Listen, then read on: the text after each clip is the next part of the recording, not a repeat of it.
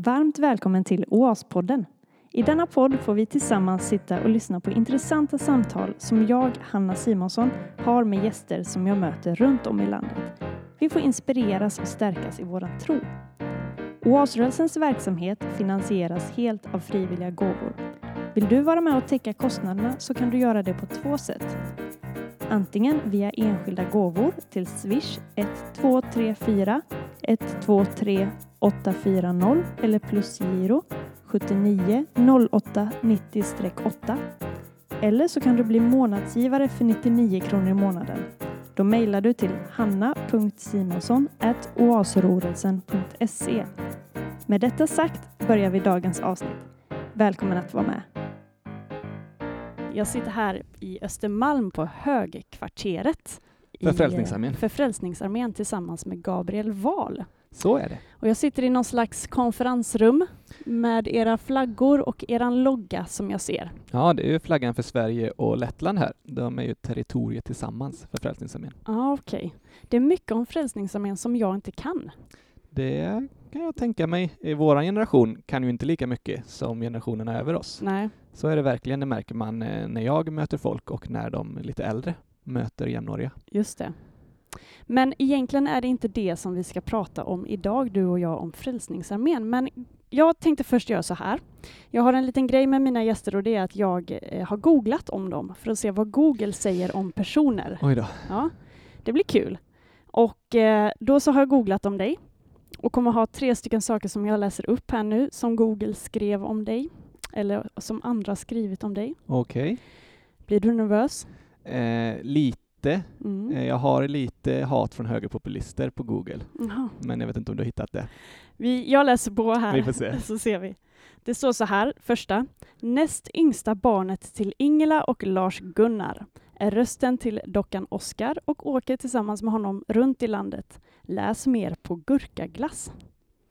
Mm. Ja. Nästa grej var att eh, du besökte Frälsningsarmén i Zambia för Football for All. Ja, det var det jag började jobba med mm. för Hälsningsarmén. Och sen tredje grejen så var det, hur kan man som förälder förklara sin oro för dataspel på ett vettigt sätt? Är det alltid bättre att ses i lekparken än på nätet? Och varför ger just dataspelande beroendeliknande symptom? Frälsningsarméns podcast Kylskåpsradion möter massor av uppkopplade barn. Programledare Gabriel Wahl tycker att föräldrarna ska börja ställa fler frågor till barnen. Det var den senaste artikeln med mig som ligger online, tror jag. Precis, och det är därför jag har valt att träffa dig, Gabriel. Det. Så jag tänker så här, vi börjar med att du får berätta lite om dig själv. Vem är du? Jag är näst yngsta då, fjärde barnet mm. till mina föräldrar. Mm. Kommer från Borås, nyinflyttad här i Stockholm. Har i många år jobbat, eh, man kan säga som buktalare, även om eh, buktaleri inte är min största förmåga, men jag är snabb på att byta röster, så när jag är med dockan så är det ingen som kollar på mina läppar när dockan pratar. Så tillsammans med dockan Oscar har jag producerat två CD-skivor och eh, ett, ja, 300 barnmöten eller något sånt under de senaste 7-8 åren med lite pauser.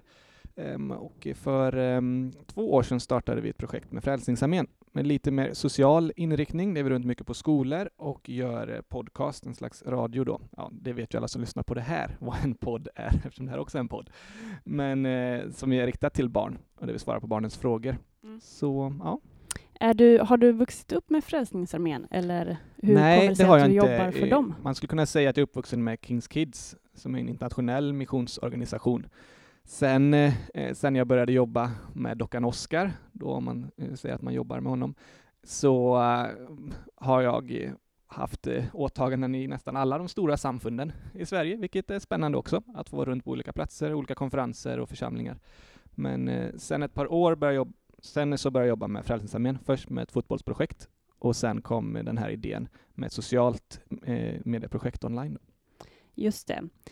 Eh, jag tänker så här, eh, du berättade om Kings Kids och din uppväxt lite grann. Vad har format dig från din uppväxt som du tar med dig i ditt arbete idag? Um, um, men alltså, min uppväxt var ganska mycket ledarträning och eh, initiativ och projektledning på ett sätt. Alltså Kings Kids är en organisation som jobbar mycket med att prata till barn och det gör jag också, så det får man väl anta att jag präglats av samtidigt som jag kanske inte vill göra det på samma sätt som eh, mina föräldrar har gjort eller andra människor runt om mig. Men eh, jag tror eh, mest har det präglats av att eh, få ta ansvar och, och, se sig själv i en ledarroll och se sig själv eh, ha tränat på att, eh, att tala och, och så. Just det. Och du har nu berättat lite grann om den här dockan Oscar. Eh, och för de som inte har någon aning om vad du pratar om, vem är dockan Oscar och hur arbetar du med den dockan och till vilka åldrar och vad är gurkaglass? Och... Ja, det är då en, eh, som vi säger, nioårig docka. Eh, han har varit nio år i åtta år nu, går trean för åttonde gången, skämtar mm. vi om. Mm. Han blir ju aldrig äldre. Han föddes som nioåring. Men han symboliserar en nioårig pojke med alla dess frågor och misstolkningar. Så när vi pratar om ett ämne så kan ett ord misstolkas och vi kan gräva djupare i vad det egentligen innebär. Så vi går inte bara snabbt förbi saker och tänker att alla fattar, utan han ifrågasätter väldigt mycket och det är ett väldigt bra pedagogiskt verktyg. Mm. Sen så kommer han med mycket humor, pratar alltid om gurkaglass, räknar fel till hundratusen och älskar kylskåp. Så äh, mitt i det allvarliga så kan det komma eh, skojiga tillrop från Oscar. Och eh, personligen så tror jag att eh, allvar och skratt är något som vi vuxna kanske delar upp lite mer. Mm. Barnen har ganska nära till djupa frågor. Mm. Eh, att eh, komma med frågor om döden när man sitter på en gunga. Mm. Det, är inte, det är inte så långt dit, men som vuxna har vi lätt för att ha vissa platser där vi pratar eh, om livet och allvaret och andra platser där det ska vara ren underhållning. Men eh, jag önskar att de skulle kunna förenas mer, mm. så att det inte blir så långt till samtalet om livet och allvarliga frågor. Så podden som vi producerar behöver man inte bara lyssna på om man mår dåligt och är ledsen, utan man kan lyssna på den när man mår bra och är glad.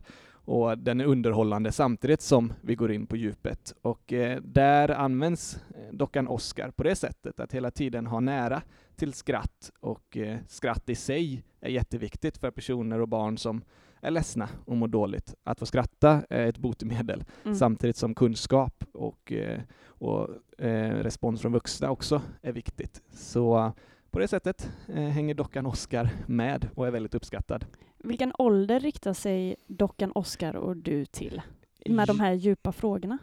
Ja, vi försöker rikta oss mot de lite äldre. Mm. Eh, jag tror att vi har lätt för att eh, förbarnsliga barn, att vi pratar under deras förmåga. Mm det tycker jag exemplifieras extra mycket på internet när vi ser att barn växer upp snabbare än de gjorde tidigare och speciellt möter barnen svårare frågor mm. än de gjorde tidigare och vi som vuxenvärld måste hänga med i det och prata om svåra frågor tidigare.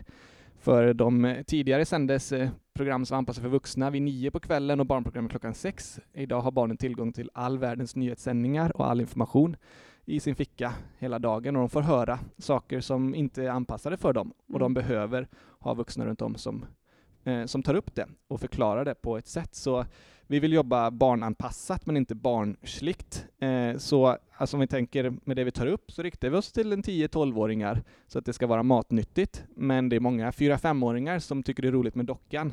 Om de inte hänger med på allting vi säger så så är det helt okej okay så länge vi inte säger något som de kan bli oroliga för, för att de inte helt förstår. Så man kan säga att eh, de äldre barnen, 10-12, de kanske skrattar mer åt eh, eh, den litterära humorn, eller saker vi säger, och de yngre skrattar åt dockans tokigheter mm. lite mer, så man kan fånga lite olika målgrupper i det. Men det är inte att vi bara riktar oss till femåringar, utan vi försöker prata om ämnen som man kan möta när man är på väg in i tonåren, som är väldigt omvälvande år. Och också involvera ni de vuxna så gott som ni kan med eh, dockan också eh, dockan Oscar också. Dockan Oscar. han har ett jobbigt namn, Oscar. Eh, ja, han stavar O-S-S-K-A-R. Ja. Tycker han är rätt. Men det, ni försöker också liksom involvera föräldrarna i vad dockan Oscar pratar om, så att det blir som en familjestund, eller? Ja, alltså åker vi till församlingar så gillar vi främst att eh, tala för alla åldrar mm. tillsammans. Särskilt är det roligt för mig att få skriva manus med lite vuxenskämt. Just det. det går alltid att smyga in som en viss eh, åldersgrupp skrattar åt. Ja. Um, men um, det är många föräldrar som lyssnar tillsammans med barnen. Mm. Eh, det är mycket som rullar i bilen. Eh, och det är många föräldrar som är väldigt trötta på min och Oskars röst, medan barnen kan lyssna om och om igen utan några problem. Yep. Men ehm, Hur låter dockan Oscars? han låter så här. Det här är Oskar och det här är Gabriel. Hundratusen tack för att jag också fick vara med i den här podden. Inte bara min Hej egen Oskar, vad roligt att du är Det är med. jätteroligt att vara med här, alltså verkligen! Oskar, vad tycker du om att prata om djupa ämnen? Jag tycker om att prata om djupa skålar med gurkaglass, för då är det mycket gurkaglass i dem. Vad är gurkaglass? Det är glass med smak av gurka och det är det enda som jag tycker om att äta. Vet du vad jag har ätit, Oskar? Nej tack. Jag har ätit glass gjord av fisk i Alaska. Smakar en gurka? Mm, nej, den smakade fisk. Då lät det jätteäckligt. Det var det. Ja, det lät faktiskt äckligt. Men du, Gabriel, jag har ju sett när du har arbetat med dockan Oscar för barn och eh, för barn i mellanstadiet och det är ju ett eh, strålande arbete som du gör. Och eh, jag har också lyssnat på Kylskåpsradion som är din podcast där du tar upp samhällsfrågor som är relevanta för barn att lyssna till Mm. och som är viktiga för barn att eh, ta till sig och, och veta om den, den verklighet som är. Mm. Så att man förbereder dem och gör dem till trygga barn. Mm. Eh, och det är ju någonting som du också brinner för och kan mycket om, just det här med barn och nätet och kanske också, som man säger, vuxna och nätet. Ja, eh, och det som är någon form av omvärldsanalys har ju varit en anledning till att vi startade Kylskåpsradion för att vi måste utveckla nya projekt på Mm. nya plattformar. Mm. Särskilt så ehm, behöver vi inse att barnen växer upp i en helt ny verklighet. Så mycket som världen har förändrats på tio år sedan eh, smartphonen kom till alla människor. Ja. tror jag aldrig det har gått så fort på en sån eh, stor förändring.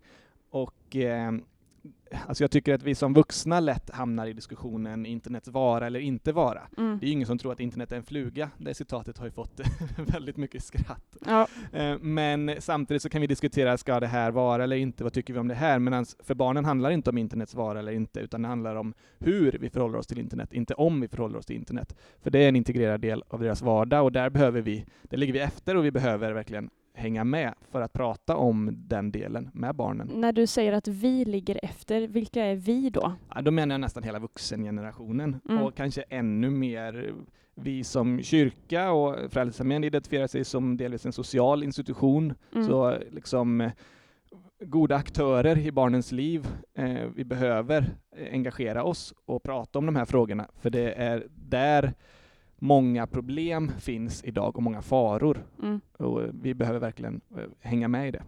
Eh, för att veta varför man ska hänga med i detta och varför man som vuxen ska finnas som en god aktör i denna världen och förstå problematiken så behöver man ju veta lite bakgrundsfakta. Och jag vet att du kan lite grann om statistik på olika sätt och vis. Ja, Vill du dra lite statistik för mig och Ja. lyssnarna? eh, vad, vad för statistik vill du ha? Hur ser till exempel eh, mobilens, mobilanvändandet ut i förhållande till olika åldrar? Ehm, ja, vid åtta år eh, så har ungefär hälften en egen mobiltelefon. Mm. Ehm, så om en åttaåring säger till er att alla andra har en mobil, så det borde jag också ha, så kan ni säga nej, det är bara hälften av alla andra som Mm. har en egen mobiltelefon, om ni vill In ha lite föräldraargument. Men sen upp till 11 år så eh, har 98 procent tillgång till en egen mobiltelefon. Eh, så, så där, från 11 år, så kan alla egentligen få tag på vad för information som helst, när som helst. Och på många sätt så blir eh, alla delar i vardagen en potentiell mobbning och brottsplats Mm. där man kan bli utsatt för näthat eller även sexuella eh, förbrytare som är ute efter en. Nu tänker jag att det är viktigt att vi, det finns såklart jättemycket positivt med mobilanvändandet Mm. eh, och med internet och med appar och kreativitet och sådär. Men vi kommer kanske rikta oss in lite på problem som finns eh, för att medvetengöra lyssnare Ja, alltså, på den eh, verklighet som finns. jag jobbar ju med digitala plattformar för att använda dem på bästa sätt. Mm, Eh, och så jag skriver absolut under på eh, allt gott som kan komma därefter. mm, Och eh, eh, det är också så att eh, när vi pratar om internet så pratar vi mycket om alla andras problem. mm, Som vuxenvärld pratar vi ofta om eh, de ungas problem med internet. mm, Eh, Och det blir, tycker jag, en fel åldersfördelning, att bara för att vi är vuxna så vet vi bättre. Alltså, man kan ju vara en förälder som frågar sin tonåring om hjälp med att installera mailen på mobilen och lite senare ska man förklara hur internet och Instagram fungerar eh, för den. Och det blir, väldigt, det blir ju lite eh, det blir väldigt konstigt eh, Mm. med den inställningen, så det är viktigt att vi ser oss själva i det. Och om vi tänker statistiskt, så något som, om man skulle sammanfatta statistiken, så handlar det mycket om att tidigare, de senaste kanske fem åren, så har det gått att um, de äldre barnen, alla har fått internet och, och så, och alla börjar liksom en stor majoritet uh, börjat spela spel och Youtube, och nu kan man se att det går nedåt i åldrarna. Om man ser på uh, spel så uh, når pojkarna spelande sin högsta nivå vid 13 års ålder nu, och de spelar på samma nivå som de gjorde när de var 16 mm. för två år sedan. Um, och på samma sätt så används eh, in, alltså tvååringarna och treåringarna är på samma som sexåringarna var för två, tre år sedan. Mm. Så att mycket som går neråt i åldrarna. Sen så är det nio av tio barn som använder sociala medietjänster. Mm. Um, om vi pratar från 11 år då när man har sin egen mobil. Det är um, Youtube som alla barn använder. Mm. Alla finns på Youtube, eller alla kollar på Youtube på något mm. sätt. Eh, skulle man kunna säga. Snapchat är annars den största bland barn. Eh, nu är ju TikTok väldigt uppåtgående, mm. Eh, men jag tycker det är lite intressant för de senaste två, tre åren har ju TikTok varit lite hype bland barnen och nu har ju plötsligt de vuxna kommit till TikTok, så mm. därför pratas det mycket om det i media och Just så vidare. Det. Så jag tror att barnen är ganska snart därifrån. Precis. Eh, och för de som inte vet vad de här apparna är och vad det, de innebär, om du drar en liten snabb om de här tre apparna som du sa nu.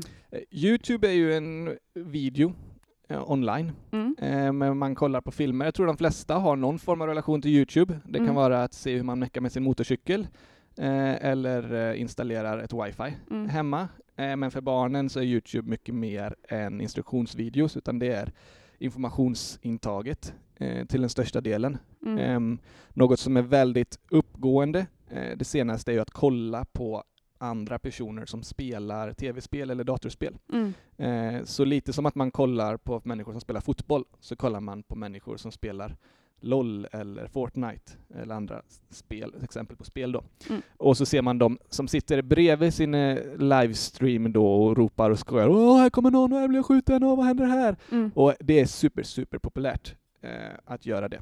Vilket för många äldre känns totalt främmande. Varför skulle man sitta och kolla på någon som, mm. som spelar tv-spel? Mm.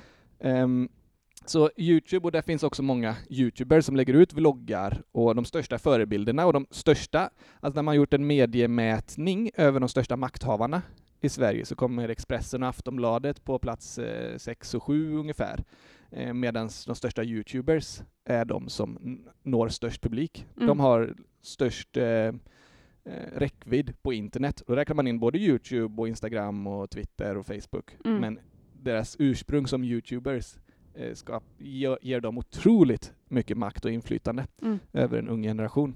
Och det, jag ibland när jag har föreläsningar om barn och internet så lägger jag fram en lista med de 30 största Youtubers som finns, som är alltså de som barn i Sverige idag tar mest input ifrån. Yep. Och generellt kan vuxna kanske känna igen en eller två av dem.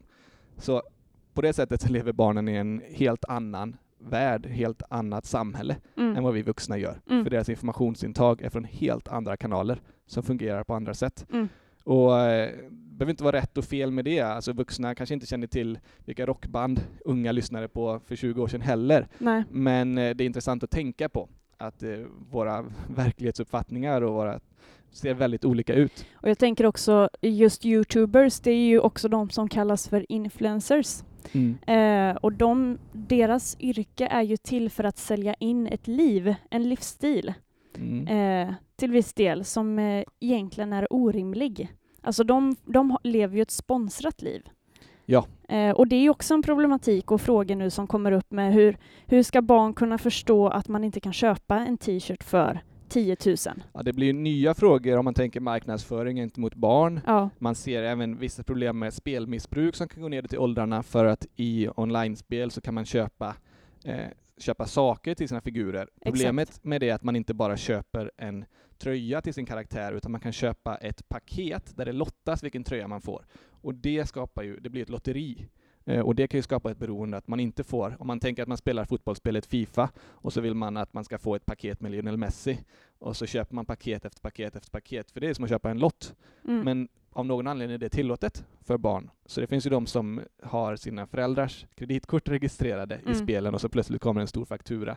Eh, så det blir många av de problematiker med marknadsföring och, och spel också gentemot barn som där vi, om man tänker att, om jag pratar om att vuxenvärlden måste hänga med, i samhället i stort behöver vi hänga med, vad som händer och anpassa Exakt. även lagar runt det. Jag eh, hörde om en förälder häromdagen som hade valt att sitta och titta på eh, Youtube med sitt barn. Mm. Eh, egentligen var det ett, eh, ett klipp om eh, katter, som eh, cat, cat fail klipp eller något sånt där. Katter som är tokiga helt enkelt.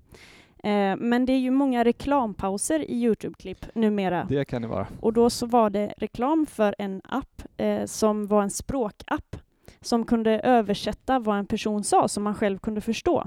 Och då var det en bild på en lättklädd tjej som frågade vad, eh, vad man kan betala för en natt. Eh, och det är klart att barnen kanske tänker att det handlar om en hotellnatt eller liksom, ja. Ja. Men, men det sker ju så mycket mer än vad som är just själva Youtube-klippet också, utan det finns ju enormt mycket informationsflöde som barnen bara matas med utan att vuxna är där. Så är det. Mm. Och de lever som sagt i ett annat informationssamhälle än Mm. vi gör.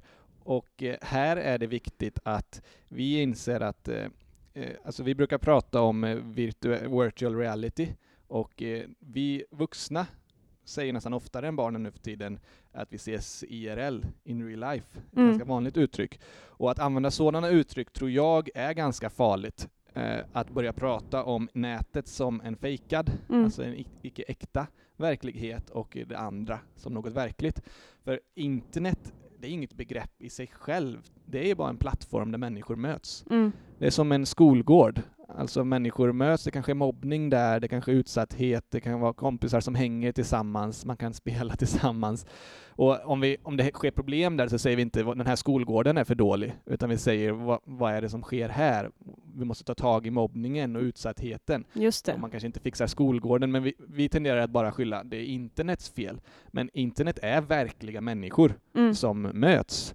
Jag brukar tänka ibland att det är samhället på steroider för Mm. att det blir i dess extremitet så att säga, för att eh, allt kan eh, bli bli värre av en anonymitet som är en stort problem. Att man kan skriva hatkommentarer och så Precis. under anonym eh, användare. Ja. Så eh, det är lättare att liksom, vara taskig och begå brott på internet, men det är fortfarande verkliga människor som utsätter verkliga människor. Och det är viktigt att eh, lära barnen från början att vi inte börjar prata om det som en virtuell verklighet. Det är verkligheten, men virtuellt. Mm. Eh, och det är ett viktigt perspektiv att ha med sig. Det är egentligen märkligt att vi har lag på att köpa alkohol i Sverige och vi har lag på när man får ta vilket körkort vid vilken ålder. Eh, men vi har ingen lag på när barn får en telefon i sin hand som ger samma tillgång till allt som en vuxen har. Nej, alltså det, finns, eh, det är ju egentligen eh, olagligt för barn att ha sociala medier under 13 års ålder. Ja, just det. Eh, och det, För du nämnde några andra appar till exempel. ja, om vi Om pratar... vi eh, tar TikTok. Eh, TikTok är då en videoapp eh, där man spelar in ofta dansar till musik. Och det är åldersgräns på den va? Det är åldersgräns på alla de här sociala medieapparna att ha ett konto. Mm. Youtube kan man ju kolla på utan att ha en inloggning. Mm. Men så fort det handlar om att ha ett konto så måste man vara 13 år. Mm. EU föredrar att det ska höjas till 16 år, men Sverige har inte höjt än så länge. Så det är väldigt svårt att eh, uppmuntra barn att, eller om man tänker att man är en kyrka, så kan man egentligen inte gå ut med information i sociala medier till barn. För det har inte alla och alla ska inte ha det. Och egentligen Nej. ska vi inte uppmuntra alla barn att ha det. Eh, Podden Kylskåpsradion finns på vissa appar, sociala medieappar. Eh, Men vi är alltid tydliga att vi aldrig säger man behöver inte skaffa det här för, för vi lägger inte ut något där som inte finns någon annanstans. Vi lägger upp, om vi gör en film på TikTok så läggs den upp på hemsidan så att alla ser. Men samtidigt så vet vi att en majoritet av barnen är på de här sociala medierna och det blir också svårt att bara eh, släppa det till de som inte bryr sig om åldersgränser. Mm. För vi behöver fortfarande finnas på barnens arenor Mm. och vara positiva röster, positiv inverkan. Så det, det är en jätteklurig fråga. Men eh, alla de här sociala medierna är egentligen en åldersgräns. kan man ju också använda som argument om man eh, som vuxen tycker att de inte borde skaffa det för tidigt. Ehm, och TikTok, då dansar man inte mycket videos. Ehm, ganska kreativ app på Mm. många sätt. Jag tycker det, liksom, det finns en positiv aspekt i det. Det är inte bara konsumtion utan man lär sig av andras danser och lägger ut själva. Mm. Såklart sprids mycket som blir liksom eh, för lättklätt och att alla kommentarer handlar om ta av dig den här och ta av dig den här. Och en uppmuntran oftast för barn är att ha ett privat konto, för det blir lätt farligt när vem som helst kan kontakta en. Det är väl också så att det sker en uppmuntran till ett ganska gränslöst agerande. Det, det kan det absolut göra. Mm. Men det man generellt skulle säga om alla de här apparna är största farorna och problematiken finns i kommentarsfälten. Vad händer där? Där blir det ju verkligen tydligt att det är andra människor som kan skriva taskiga saker Mm. och mobbas och så vidare. Om man tänker att man spelar ett online-spel så kan man diskutera hur det är bra och kanske skjuts och sådär. Men det som åtminstone är väldigt illa är ju att om man misslyckas kanske det kommer en kommentar du suger, vad kass du är, du borde inte göra det här, du är sämst. För det kan vara ganska hårda saker Mm. på nätet. Och på samma sätt så kan det vara personer som, eh, som är ute efter sexuella tjänster Mm. som tar kontakt med barn via Mm. kommentarsfältet. Så det är det som är verkligen viktigt att vara uppmärksam på. Och det, så det här är liksom lite bakgrund om appar och det var lite grann statistik och sådär. Och, och om man vill läsa mer statistik så kan man göra det till exempel på eh, statensmediaråd.se va? Ja, Ungar och medier heter en eh, eh rapport som kommer eh, varje år. Det finns en som heter Svenskarna och internet också. Just det. Man kan säga att den är lite mer marknadsföringsinriktad. Alla Mm. marknadsföringsbyråer kallar det för sin bibel. Mm. För där tar de all information om målgrupper och vilka nätverk och hur man når ut till olika ungar och medier som Statens medieråd gör handlar lite mer om att kartlägga hur barnen använder medier och hur det påverkar dem och så vidare. Eh, Men jag tänker på det med den här lilla bakgrundsfaktan. eh, och Du säger många gånger att där måste vi finnas och så. Hur, hur ska föräldrar förhålla sig, tänker du, till att prata om olika saker och ting och eh, med regler och...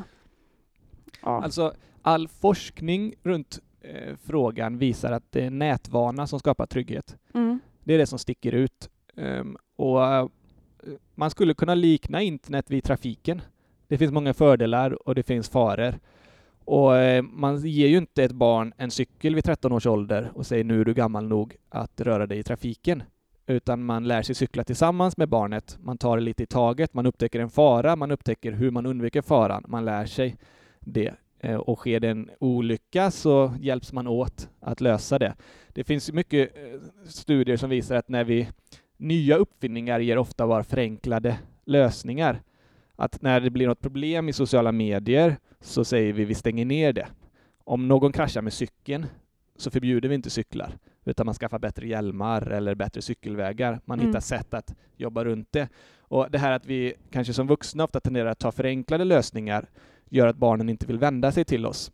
För eh, man ser ganska stor problematik i, runt förbud runt sociala medier. Mm. Om en, eh, eh, en ung tjej blir förbjuden att eh, använda Snapchat och gör det i hemlighet och så blir hon kontaktad av någon som känns obekvämt på Snapchat som är en meddelande-app där man kan skicka bilder eller meddelanden. Mm. Då kommer hon aldrig berätta det för sina föräldrar för att då är hon rädd att aldrig få använda Snapchat igen. Mm. Den här skammen är värre. Många föräldrar tror inte jag kanske hade blivit superarga, utan de hade velat hjälpa till om det är någon som har kontaktat. Men det finns inte alltid i barnens konsekvenstänk. Nej. Utan den här skammen att berätta att man har gjort något man vet att man inte får, det är värre och då så vågar man inte vända sig till föräldern. Mm. Och kanske också att man är rädd att, att förlora tillgången till appen. Ehm, och eh, det här är en stor fara, att barnen börjar använda eh, spel och appar i hemlighet. Mm. att det inte finns en vuxennärvaro och att eh, det blir långt att gå till vuxna och berätta om det som känns obekvämt eller om något som man inte vill där ska hända. För man vill inte kritisera appen, för då vet man att föräldrarna kommer bara stänga av den och säga det här är dåligt. Just det. Så eh, den här vuxennärvaron och att vi pratar med barnen om verkligheten på internet på samma sätt som verkligheten ehm, utanför internet, det är bland det viktigaste. På samma sätt som vi kanske frågar hur har du haft det på fotbollsträningen? Hur var det i skolan? Så kan vi fråga eh, vilka brukar du kolla på på Youtube? Vilka hänger du med på spelet Star Stable? Vilka brukar du spela med på Fortnite? Vem tycker du om att lyssna till på TikTok? Men vi vuxna tycker ju att det är så fruktansvärt tråkigt med barnens digitala värld. Och det är mycket man ska lära sig och, och det är olika appar och sådär och så blir det att man, man orkar inte. Ja, men har man ett barn som älskar någonting så finns det ju ändå någon form av ansvar som vuxen att Mm. intressera sig för ens barn, int- barns intressen. Det är ett måste. Jag tror det är ett måste och det är viktigt att vi förmedlar till barnen att vi är intresserade av att eh, höra om hur de har det på internet. För då vet de att de kan vända sig till vuxenvärlden om det uppstår problem. Vad behöver vuxna prata med barn om som, eh, som är viktigt att stärka barnen? Vad, hur behöver vuxna förbereda sina barn på den digitala världen? Ehm, ja, för det första att visa att man är eh, intresserad. Mm. Eh, det vi frågar om vet barnen att de kan berätta om. Mm. Om man frågar om Youtube och så vidare så vet barnen att det, det är en del av samtalet. Men det är viktigt att förbereda barnen på att om något händer, till exempel om vi pratar om eh, sexuella övergrepp på Mm. internet som är växande.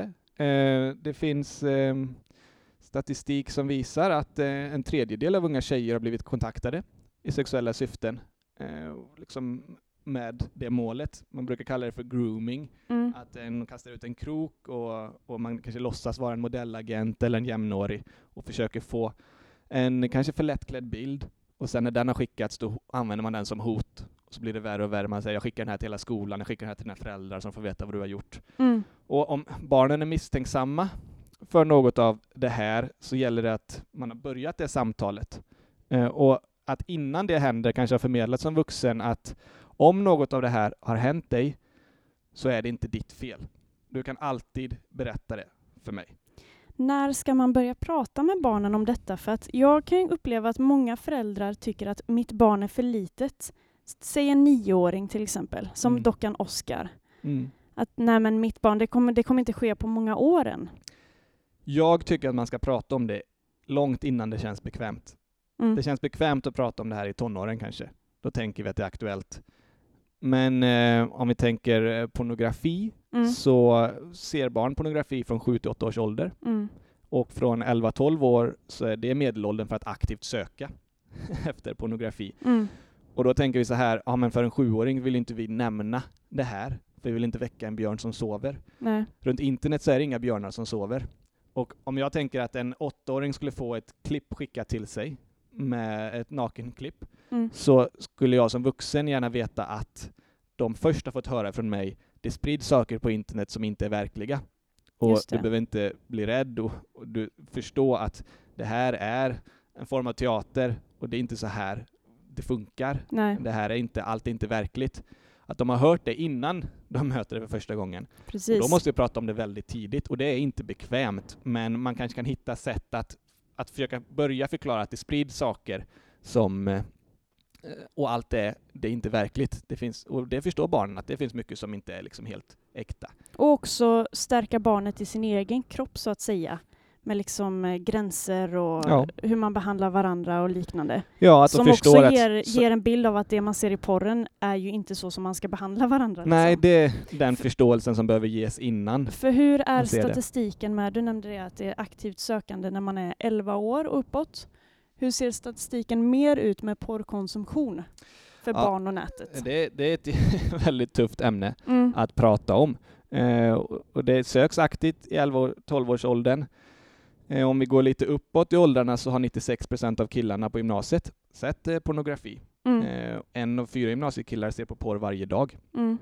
Och ett stort problem är att 90 procent av filmerna innehåller våld och 95 procent av det våldet är mot kvinnor. Mm. Så det ger en otroligt skev bild av, eh, av sexualitet och av eh, intimitet. Mm. Problemet är också att de flesta kanske har sett porr innan de får sin första relation och Mm. har fått en helt fel bild av hur man beter sig eh, mellan, eh, med den man älskar. Mm. Eh, och där är det jätteviktigt att vi pratar om det. Om det så bara är att berätta att det är inte så här det går till. Nej. Att den vetskapen finns när någon kanske skickar ett klipp eh, på Snapchat som man inte borde ha sett som ung.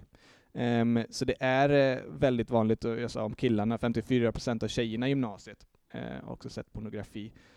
Ehm, och det, det är lite spännande för, för barn. Så det skickas ju lite länkar och bilder. Ja. Det sprids eh, och det kommer sådant.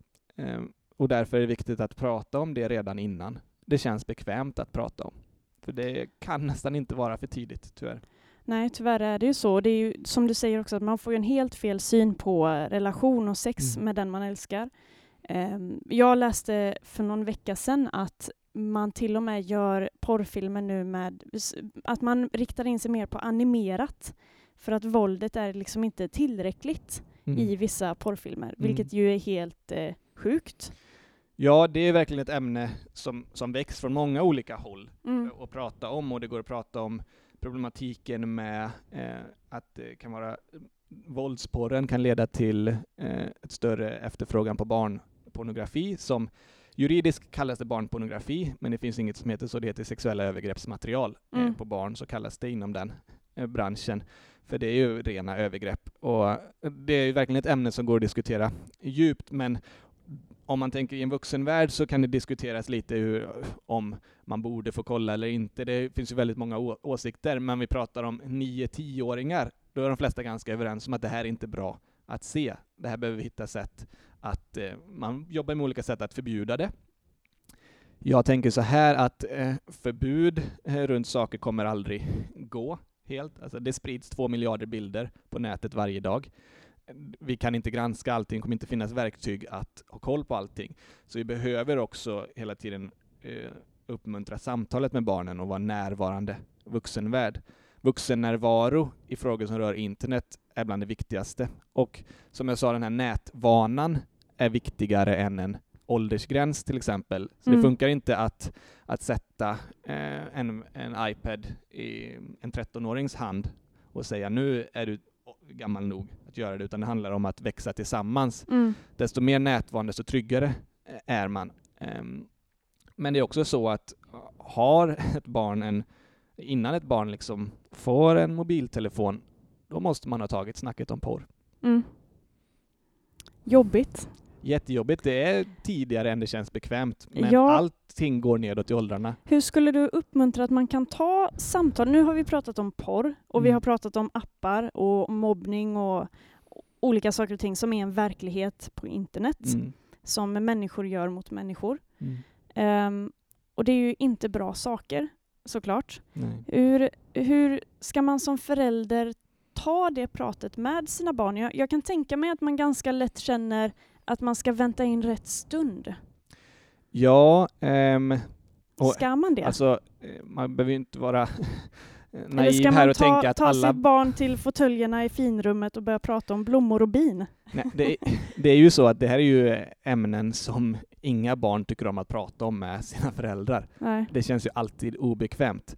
Men jag tror det är viktigt att förmedla en, om, om så bara en känsla av att jag är intresserad av Mm. det som händer och också förmedla känslan av att om du blir utsatt för någonting så är det inte ditt fel.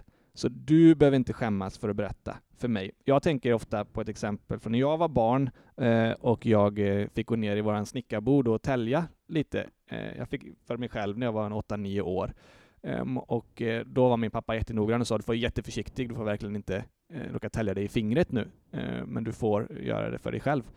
Och så täljde jag mig såklart ganska illa i fingret. Jag tänkte inte alls på att det gjorde ont, utan jag var bara så eh, rädd för hur arg han skulle bli Mm. för att jag hade gjort något som jag inte fick. Eh, Även om det var ett misslyckande Mm. så kändes det så jobbigt att jag hade misslyckats. Och jag ville inte berätta för honom. Men såklart, eh, det sprutade ju blod så det var svårt att inte berätta. Och när jag kom med såret och visade det så, så brydde han sig ju bara om att hjälpa mig. Mm. Såklart. Plåstra om mig och ta hand om mig. Han, han sa, blev inte arg och sa inte så här att det var, var dåligt gjort. Eh, så som det var, som jag med, med min lilla, som, som barn tänkte. Det var det enda jag tänkte på. Och det finns samma tendenser i det runt internet. Mm. Och det är viktigt att komma ihåg att konsekvenstänket är det sista som utvecklas. Mm. Vid hos ett 25, 25 års ålder. Ja, för många. Japp. Så, och det är ju frontalloben som växer klart Mm. eh, då på hjärnan. Så barnen rör sig på internet utan en vuxens, vuxens konsekvenstänk. Mm. Och de rör sig i samma klimat som vi gör. Eller som vi sa är det ett helt annat klimat, men liksom på internetplattformar. Och där är ju ett stort problem. Mm. Att de inte alltid lägger ihop ett plus ett och vad som kan hända senare. Utan man kanske bara tänker på att man är rädd att bli av med Snapchat, inte på att det här kan vara någon som är ute efter att göra dåliga saker mot mig. Utan man ser bara den kortaste konsekvensen. Eh, så det är jätteviktigt att uppmärksamma eh, och betona för barnen att om det händer någonting, då är inte det ditt fel. Barnet är alltid utsatt. Det är barnet som blir manipulerat om, man tänker förgripa det via internet. Att, att den medvetenheten finns där. Till exempel är det lättast för barn att vända sig till föreläsare som berättar och det här hände mig eller det här har hänt andra. Då kan de känna, ah, vad skönt, de kommer inte tycka att jag är jättedum i huvudet som också blivit utsatt. Nej. Så att eh, den känslan, visa att man är intresserad, eh, tänka liksom att växa tillsammans med barnen för att ge en nätvana och betona att händer någonting så är det inte ditt fel. Eh, och du kan alltid berätta om det. Du behöver inte skämmas om någonting har hänt. Man ska egentligen inte sitta och vänta in rätt stund, utan det ska vara en del av vardagen helt enkelt. Det här. Ja, det är väl kanske den tydligaste, att eh, det är ju en så stor del av barnens vardag, ja. så det måste vara en del av vår gemensamma vardag också. Inte att vi behöver sitta och kolla på allting tillsammans flera timmar om dagen, eh, men gärna att man engagerar sig. Eh, på samma sätt som man vill veta lite vad det är för fotbollsklubb ett barn spelar i och vilka tränare de möter. Man håller lite koll så kan man veta vilka, barn, vilka barnen lyssnar till tre timmar om dagen. Just det. Eh, du är ju i Frälsningsarmén och har valt att arbeta med de här frågorna via Kylskåpsradion och med mm. hjälp av dockan Oskar ja. och podcasten, podcasten ja. Kylskåpsradion. Eh, märker du att ditt engagemang i detta gör skillnad och hjälper barn och kanske familjer? Det vill jag tro. Mm. Eh, vi jobbar jättemycket med samtalet med barnen via nätet. Vi har en frågelåda mm. där vi har över 4 000 inlägg nu där barnen eh, tar upp frågor. Och det kan vara om internet, det kan vara om mobbning på skolan, det kan vara förslag på skämt och frågor om vilken glass Oskar gillar och så vidare. Vi försöker ha, det ska vara lätt att skriva i mm. frågelådan. Det behöver inte vara att nu mår jag dåligt och nu ringer jag BRIS eh, till exempel som bara är när det som känns som värst, utan det ska vara väldigt enkelt att gå in där. Tror dockan Oskar på Gud eller Jesus? Ja, vi har ju, våra första skivor eh, är ju väldigt evangeliserande mm. och spred, så de har spridits mycket i, i kyrkor och så. Um, podden eh, är inte, vi ber inga frälsningsböner, Nej. evangeliserande på det sättet, men jag tror att det finns en stor poäng att vara en kyrklig avsändare Just eh, i denna frågor och jag tror att vi kanske har en närmare till existentiella frågor än andra, men vi pratar på ett sätt som vi kan finnas på skolor och vi kan sprida vårt material på de delarna, men det kommer ju frågor lite om Gud och hur tänker de döden och sånt, och då kommer de perspektiven in. Mm. Eh, vi gör det lite på barnens initiativ. Eh, så det är ett, eh, ett projekt som vill röra sig utanför eh, kyrkliga delen av samhället och vi är mer liksom runt på konferenser med andra aktörer. Och för där tror jag att det finns en stor poäng i att vi är en kyrklig institution eller rörelse som är representerade när vi pratar barnrättsfrågor i samhället och när vi jobbar tillsammans med social och, och skola och så att vi finns med där, för vi vill barnens bästa mm. och det vill vi tillsammans med andra samhällsaktörer och vi kan gå hand i hand för att kämpa för samma sak. Är det någonting som du tycker kyrkor ska bli bättre på att arbeta med? Jag eh, anser det, ja. Mm. Eh, jag tror att vi kan bli bättre på att identifiera eh, vad vi delar för mål tillsammans med skolan och mm. socialen, till exempel. Eh, jag tror att vi ibland är lite för stressade att vilja prata eh, evangelisation eh, och de frågorna och, och, förvänta oss att skolan ska förse oss med en plattform att nå barnen. Men det är inte skolans ansvar. Det är vårt ansvar i kyrkan Eh, att prata om de delen. Men det finns jättemycket, vi jobbar med samma barn och det är jättemycket vi kan dela och hjälpas åt. Och det handlar, jag menar inte att vi ska gå dit och vara rastvakter bara, utan att eh, som, vi åker ju runt på skolor och har föreställningar om människovärde mm. till exempel. Um, och det bygger ju nära relationer och mycket positivt. Och sen har vi många som lyssnar på våran podd och lär känna Frälsningsarmén. När vi jobbat med kollon i Frälsningsarmén så är det människor, barn från eh, olika delar av samhället och olika religioner. Och eh, jag tror att alla de kommer växa upp med en känsla av att Frälsningsarmén och kyrkan har haft en positiv inverkan på deras liv. Mm. Och det är en erfarenhet som jag tror väger ganska tungt. Jag tänker att det här är ämnen som rör inte bara föräldrar utan vuxna. Ja. Eh, att man behöver engagera sig eh, på olika sätt och vis. Och ja, som sagt så är det ju många av de här frågorna som är mycket lättare att prata med andra än sina föräldrar om. Ja. Så att när vi pratar vuxennärvaro och närvarande vuxenvärld, då kan det handla om ledare, lägerledare och kanske de yngre ledarna som får som barnen kanske lättare tänker, de här fattar vad jag menar när jag pratar om Snapchat. Just det. Så att det finns ett, ett kollektivt ansvar som vuxenvärld att engagera sig i de här frågorna och finnas närvarande. Om man nu då, lite som sista avrundande fråga här, om man nu lyssnat på denna och är en vuxen person som lyssnat, troligtvis är det så på denna podden. Ja. Eh, om man är, jobbar i kyrkan eller om man är en mor eller farförälder eller om man är en faster eller farbror eller allt vad man nu är och tänker att ja, men det här är viktigt eh, med barnens medievardag. Hur ska man börja? Om man känner så här, det är ju jättetrassligt garnnystande här. Vad, vad, vilken tråd ska man börja i? Um, ja, um, de gånger man möter barn uh, kan man ju få föra in det i samtalet, mm. visa ett intresse. Um, Behöver man känna sig dum för att man inte vet eller förstår allt? Nej, det kan ju barnen få skratta åt, att mm. man inte fattar. Mm. Men jag tror att det finns eh, en positiv del att ställa frågan mm. eh, och visa att man vill lära sig av barnet och de kan få, få visa eh, hur det går till. Och också, eh, eh, man kan intressera sig rent eh, nyhetsmässigt mm. och, och liksom kolla upp lite av de här rapporterna som visar vilka är det som, som pratar till barn idag och vilka är de? Mm. Scrolla in på lite olika Youtube-konton, få en uppfattning hur ser eh, barnens medieklimat ut. Eh, man kan, det finns liksom i vanliga nyhetstidningar, står det om rapporter. Eh, man kan lära sig från organisationer som ECPAT som vi har intervjuat i podden Kylskåpsradion, mm. där de jobbar med sexuella övergrepp mm. online och för att motverka det. Och att man eh, tar in fakta från dem och andra organisationer för att lära sig ännu mer. Och att, alltså ju mer vi informerar oss, desto lättare tror jag det blir att reflektera över vad vi kan göra. Just det. Att vi får mer kött på benen, så att säga. Um, I podden Kylskåpsradion säger vi alltid att kunskap är ett botemedel mot oro. Och jag tror kanske att vuxenkunskap kan också vara ett botemedel mot barnens oro Just eller det. Eh, problem. Kan kyrkor skaffa Youtube-konton? Ja, det tycker jag. Det är ofta väldigt uppskattat ja. eh, när det görs. Eh, särskilt kanske på Youtube, eh, att eh, när det kan spridas helt öppet, man inte behöver ha konto. Det mm. finns barn eh, som hör av sig till mig och säger jag får inte kolla på Youtube och så här. Så det är jätteviktigt att när vi producerar media som eh, kyrka och som aktör, att saker distribueras, alltså läggs ut på ett sätt där man inte som barn behöver ha en inloggning för att nå. För då kan det lätt bli exkluderande. Just det. Eh, för alla barn, vi pratar om att nästan alla barn har mobiltelefoner och så, men alla barn får inte ha alla appar. Nej. Um, och, och där kan vara positivt ibland att föräldrar säger, men jag tror inte det är bra att du har den här appen som sagt, vi pratar om problemet med förbud, att barnen har det i hemlighet och inte vänder sig om det händer något jobbigt. Mm. Men man får, ha lite olika, man får hitta sin nivå. Men det är viktigt att som kyrka, eh, att inte lägga ut saker som kan bli exkluderande, för Nej. att alla inte kan nå det. Och där kanske man behöver ha en hemsida i grunden som mm. är helt öppen, för då kan mm. man alltid hänvisa till den och, och säga här kan du hitta det. Just det. Du Gabriel, mm.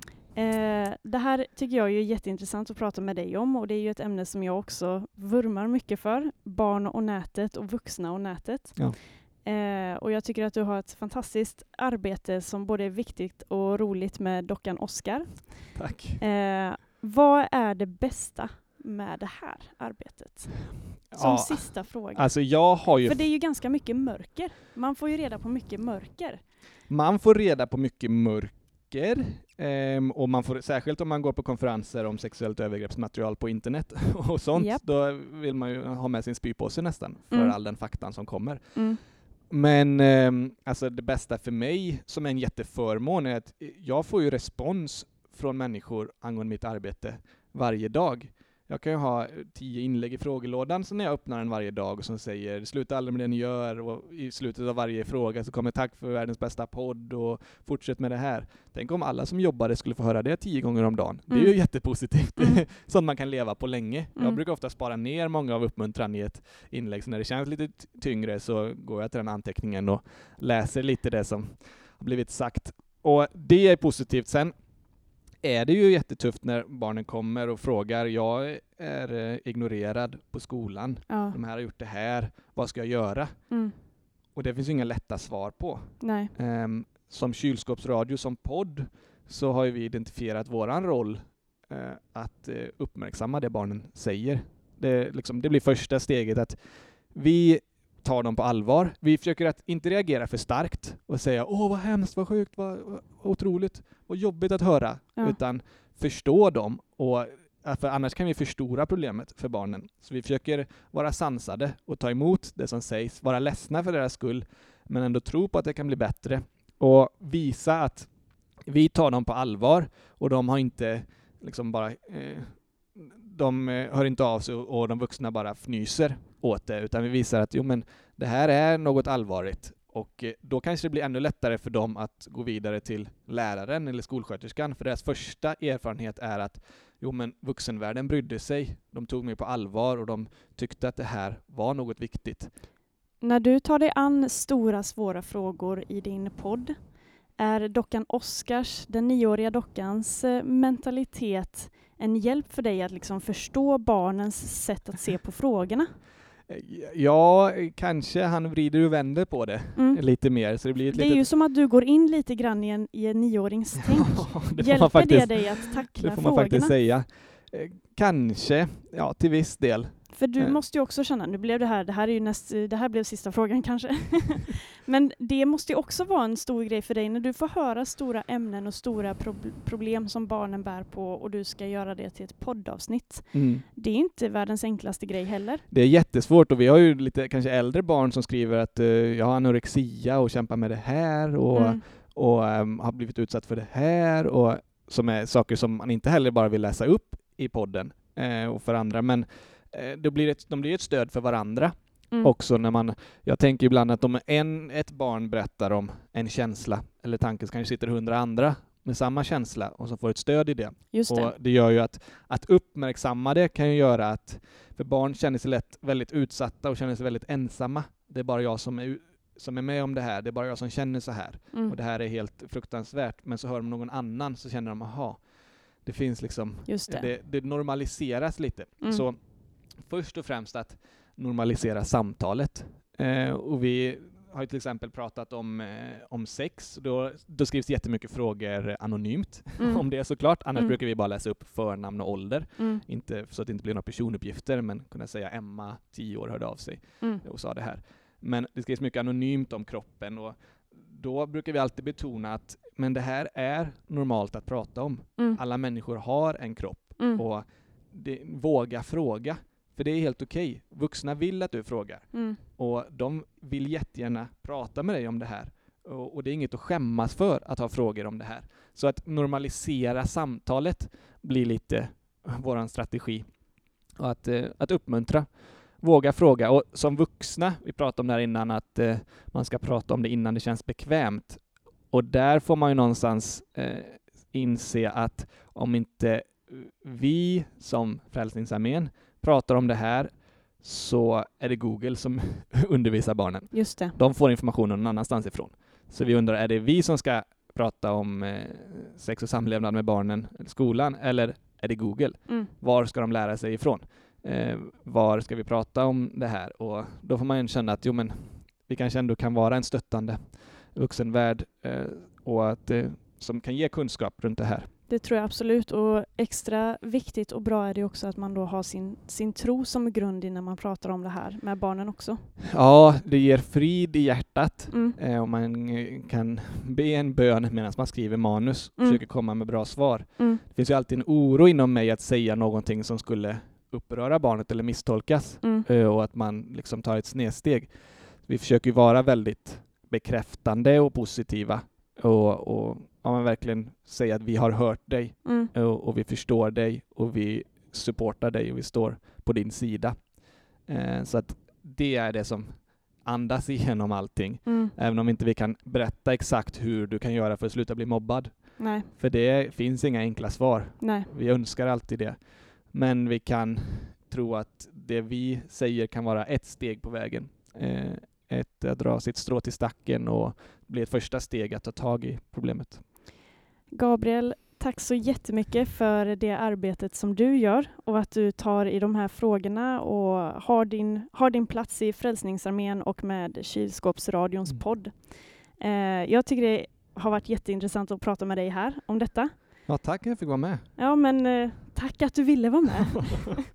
och eh, fortsätt din eh, goda kamp. Det ska jag göra.